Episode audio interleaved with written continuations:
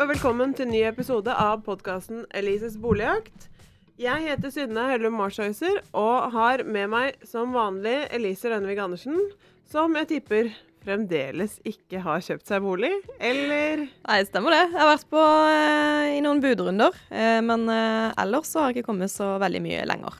Podkasten Elises boligjakt er et samarbeid mellom Aftenposten, Adresseavisen, Bergens Tidende, Federlandsvennen, Stavanger Aftenblad, Sunnmørsposten og i Tromsø. Nei, og du klager en del på at det er mye dårlige boliger.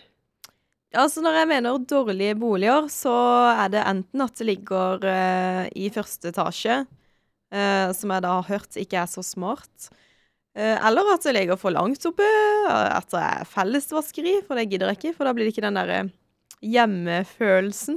Nei, men det blir litt sånn skrekkfilmgreie òg. Eller sånn Ja, det minner meg om studentboligtida, skulle jeg si. Ja. Husk at det er mulig å sette inn vaskemaskin og altså få, få en rørlegger til å se på det og installere og sånn. Skaffe sånn opplegg for vaskemaskinen, som det pleier å stå. Ja, jeg, jeg tror det er mulig de fleste steder.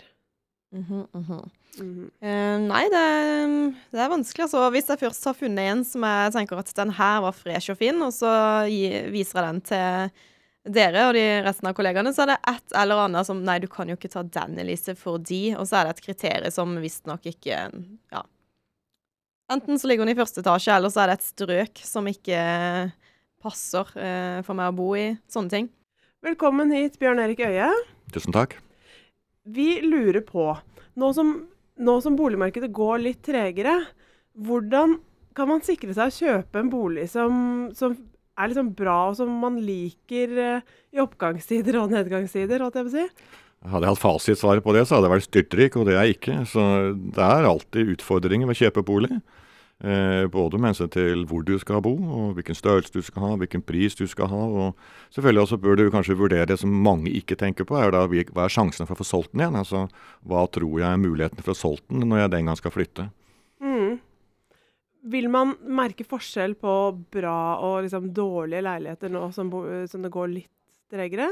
Ja, altså du kan si det, det går jo tregere, og, det, og nå er jo fordi at tilbudssiden har økt mye. Altså Det er jo ganske ja, normal, ganske høy etterspørsel faktisk, og det kommer til å ende opp i 2017 også med et, si, et høyt antall boliger som er omsatt. Men så er det som skjer når, når, når et markedet endres nå, er jo at eh, tilbudssiden øker. Og Det er jo godt nytt for kjøpere, og det er jo godt nytt ikke minst for førstegangskjøpere. Det første er jo du får mye å velge mellom. Og det Mm. andre er jo at eh, det over tid, da, dess lenger nedgangen varer, desto flere nervøse selgere blir det jo. Sånn sett så er det jo økende muligheter for førstegangskjøpere til å gjøre det såkalte kuppet. da. Ja, Så da kan man forhandle, f.eks., for eksempel, eller hvordan gjør man det? Ja, der er det, det er tosidig, da, fordi at det, det er avhengig av hvor lenge prisnedgangen varer. fordi at Det første som skjer, er jo at de dårligste boligene blir jo ofte trukket fra markedet. Eller at folk, selgerne da rett og slett venter, altså bor lenger der de bor. Altså De prøver først, og så venter de. Så De som ofte blir liggende, det er jo det gode. da, og, Der er det jo fremdeles konkurranse og, og budrunde. Etter hvert som tiden går, altså hvis det drøyer nå utover mot jul da, ikke sant, og kanskje inn i neste år, så, så vil for det er disse dårlige altså i hermetegn da, de dårlige boligene, vanskelig solgte boligene, også komme ut. da. Men når du sier dårlige og gode boliger, hva mener du da? Hva legger du i det? Ja, Det er igjen en, en eh, skal si, stor skal si, spredning da, på hva som er godt og dårlig. Eh, første kriteriet er ofte at man selger har for høye forventninger. altså at De, de innbiller seg at den boligen de har, har eh, veldig høy pris, fordi de har sett at naboen har fått høy pris. Så Da kommer jo det utslaget ut av at, at eh, hver enkelt bolig er, er, er objekt. Så selv om en annen i samme oppgangen har fått en høy pris, så er det ikke du garantert det likevel. Det kan være hvordan leiligheten er vendt imot solen. Ikke minst dette med utsyn og innsyn er veldig viktig. Altså Har du leilighet lenger ned i etasjen eller helt på bakkenivå, så, og du har innsyn eh, fra ut, utsiden, så, så lar prisen gå ganske langt ned. Og få som vil være skal vi si, interesserte. Utsyn, er det utsikt, eller er det bare at du Ja, ser noe? ja, det, er liksom? ikke, det er ikke bare ut, Du skal ikke se utsikt over halve fjorden og alt dette. Det, det skal du ikke. Du skal ha utsyn. Men det er klart, desto høyere opp du kommer, eh, desto høyere blir prisen normalt. Og Spesielt hvis du får eh, utsyn kombinert med skal vi si, typ hjørneleilighet eller et gjennomgående. altså hvor du har utsikt på begge sider eller ser horisontene. Det trekker ofte, ofte opp i pris, og det gjør at interessen for en sånn leilighet ofte er jo stor, og, og budrundene blir gjerne heftige. Da. Ja. Du var jo på visning på Du har vært på to førsteetasjer. Um, Mhm. Den ene var ganske bra, og den andre ganske dårlig, eller? Eh, ja, den første Altså, den ene var en høy første etasje, eh, så da følte jeg eh, Altså, den likte jeg. Den andre var litt sånn på bakkeplan, og at de fleste kunne se inn, da. Så det var litt forskjell på det òg. Men jeg har jo hørt generelt at man ikke skal gå etter leiligheter i første etasje. Men ofte så føler jeg de har eh, Det er mange jeg har funnet der som er freshe, har bra standard, men så er det det der at det ligger i første, da, og da går jo prisen ned.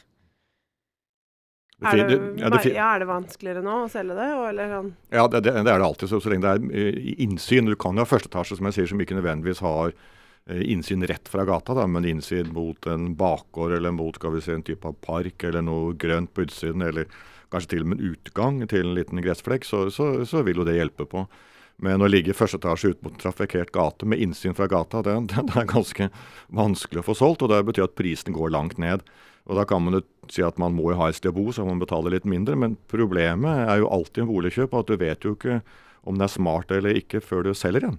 Og når du selger en, så vil du helst ikke selge til deg selv. og da er det ikke sikkert du får solgt den, og det er jo skrekken. ikke sant? Altså Én ting er å selge i et fallende marked til lavere pris enn det du kjøpte, fordi at du skal gjerne kjøpe til en lavere pris også, så, så det er jo omsetningsbarheten som, som er viktig. Og Blir du sittende der, så, så er jo det krise. Så. så kanskje i et sånt marked som nå, så ville jeg vært ekstra varsom med å ikke kjøpe bolig som Eller fravike de kvalitetene jeg vil ha, da. Mm. Er det noen spesielle ting man kan tenke på når man er ute og titter? Ja, Det ene er jo om det er andre enn deg selv som er på visning. da. Det er kanskje kriterium nummer én. fordi at om du kommer på visning alene gang på gang på gang, og spesielt i markedet som er nå, hvor det er mange som kjøper, det er jo viktig å huske det. Bør det ringe en bjelle? Ja, en liten bjelle og tenke liksom, hva er det jeg ser her som ingen andre ser?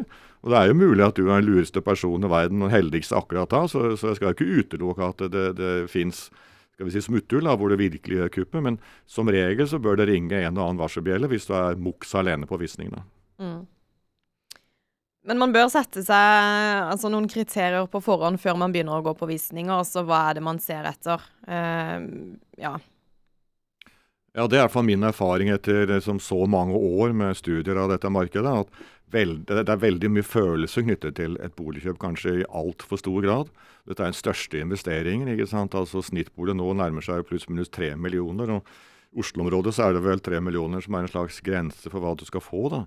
En så stor investering bør du gjøre et veldig godt forarbeid. og Du bør ha en bohorisont da, på tre til fem år. altså fordi at Du har jo transaksjonskostnader når du skal kjøpe den. Ja, For å ikke gå i minus, rett og slett. Ja, for å ikke gå i minus.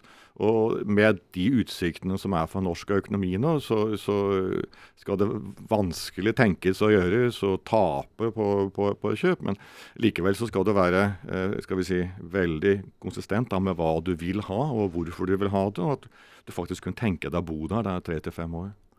Ja. Ja, for Elise, du har vært veldig sånn at du skal ha et soverom. Mm. Og, fordi i den prisklassen du leter i, sånn pluss-minus tre millioner, så er det jo, får du begge deler. Uh, og det er kanskje lurt å ha, liksom, ha et soverom. Hvor mye har det å si for prisen senere, Ja, det kanskje? veldig lurt, og det er det individuelt. Men, men et, jeg har jo sett eksempler på hvor de har hatt store skal vi si, ettroms da, som man har klart å dele på en eller annen eh, smart måte og fått inn et soverom. Prisen skvetter i taket relativt heftig. Altså, vi har sett eh, et eksempel på dobling av prisen faktisk for å kunne få en, et soverom. Nå har man da også gjort tillegg eh, skal vi si, andre typer renoveringer. men det ekstra soverommet betyr mye, og spesielt hvis du klarer å legge inn et ekstra soverom der, der det ikke er.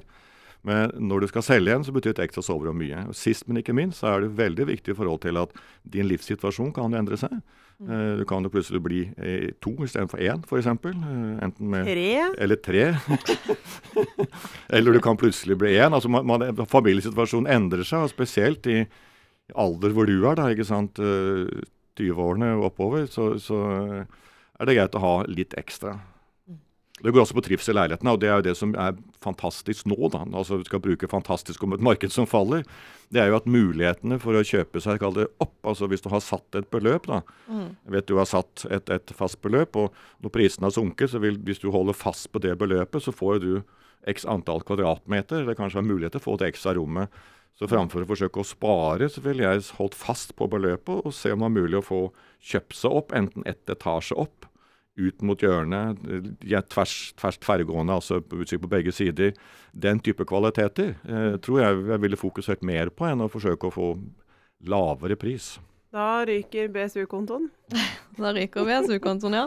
Altså, men så har vi også eh, snakka litt om det med helst unngå første etasje, kanskje. Men eh, omvendt, hvis eh, jeg finner en kjempefin leilighet, men den ligger i femte etasje f.eks. uten heis, er det jo noe som trekker litt ned på prisen. Eh, det er jo ikke veldig ideelt å labbe opp og ned der flere ganger om dagen. Ja, det, det, det slår begge veier. Du har jo hatt uh, mange som har tjent seg søkkrike på sånne om, ombygde loft. og Det er jo ofte på, femte etasje uten heis. Og til og med kan klatre opp en smal trapp den siste, siste delen for å komme opp. Uh, så det er av på som type leilighet hvor den ligger i beliggenheten. Så, og det er klart, det er jo ikke pluss 50 som, som etterspør den type leilighet. Det er jo unge igjen, så man må jo se at kjøpskapasiteten da, hos den kjøpegruppen som skal kjøpe igjen, vil jo være lik, lik den du har. så kanskje forvente mindre verdivekst da, på den type leilighet. Ja, altså Er det en barnefamilie som er målgruppa, så kan den jo slite litt mer enn om det er eh, mennesker som deg. Ikke sant? Dra barnevogn og sykler opp fem etasjer. det- slår begge veier, men femte etasje er du får jo gratis eh, trim, da, så du kan jo spare satskortet. ikke sant da? Ja, det er veldig kjipt om man går ned de fem etasjene og kommer på Oi, shit, jeg glemte en liten ting i leiligheten. Og så er det opp igjen og ned igjen. Og så er det jo ekstrakrise hvis det er fellesvaskeri i tillegg. Ikke sant? Da eh, Men, men du sparer jo et dyrt treningskort, da. Ja, det, det er sant. Det, der kan jeg jo tjene noen kroner i, i måneden, i året. Mm. Eh, hvis man er på andre siden, da, hvis man skal selge nå og syns det går litt sånn tregt, eh, er det noen sånne småting som ikke koster så veldig mye, som man kan fikse? Man bør kanskje ikke pusse opp badet? Nei, Da gjør du en ganske stor investering, men det er klart, er badet dårlig, så er leiligheten uselgelig. Så, så det er jo ikke sikkert du har så mye valg at du faktisk må gjøre det. Og hvis du skal selge med et dårlig bad, så må det gå ganske langt ned i pris, fordi at vedkommende som kjøper tenker da å pusse opp. ikke sant? Så, så det finnes ikke noen en, en, enhetlig regel på det, men, men du skal alltid vise leiligheten fra sin beste side, og det er denne styling-diskusjonen som går, da, ikke sant? hvor du eh, skal vi si, gjør den steril, og det blir jo også feil, men, men plukker bort i hvert fall unødvendigheter i den grad det er mulig, slik at leiligheten framstår fra sin beste side. Og Så koster det ikke så mye da, å gjøre den maljobben du hadde tenkt å gjøre. Reparer den lista som du har sparka på i tre år, men som du ikke har gjort noe med, eller glemt å gjøre noe med. Vaske litt ekstra der du ser at det kanskje burde ha vasket, osv. Så, videre. så det er masse sånne småting du kan gjøre som at leiligheten framstår i sitt beste lys. da.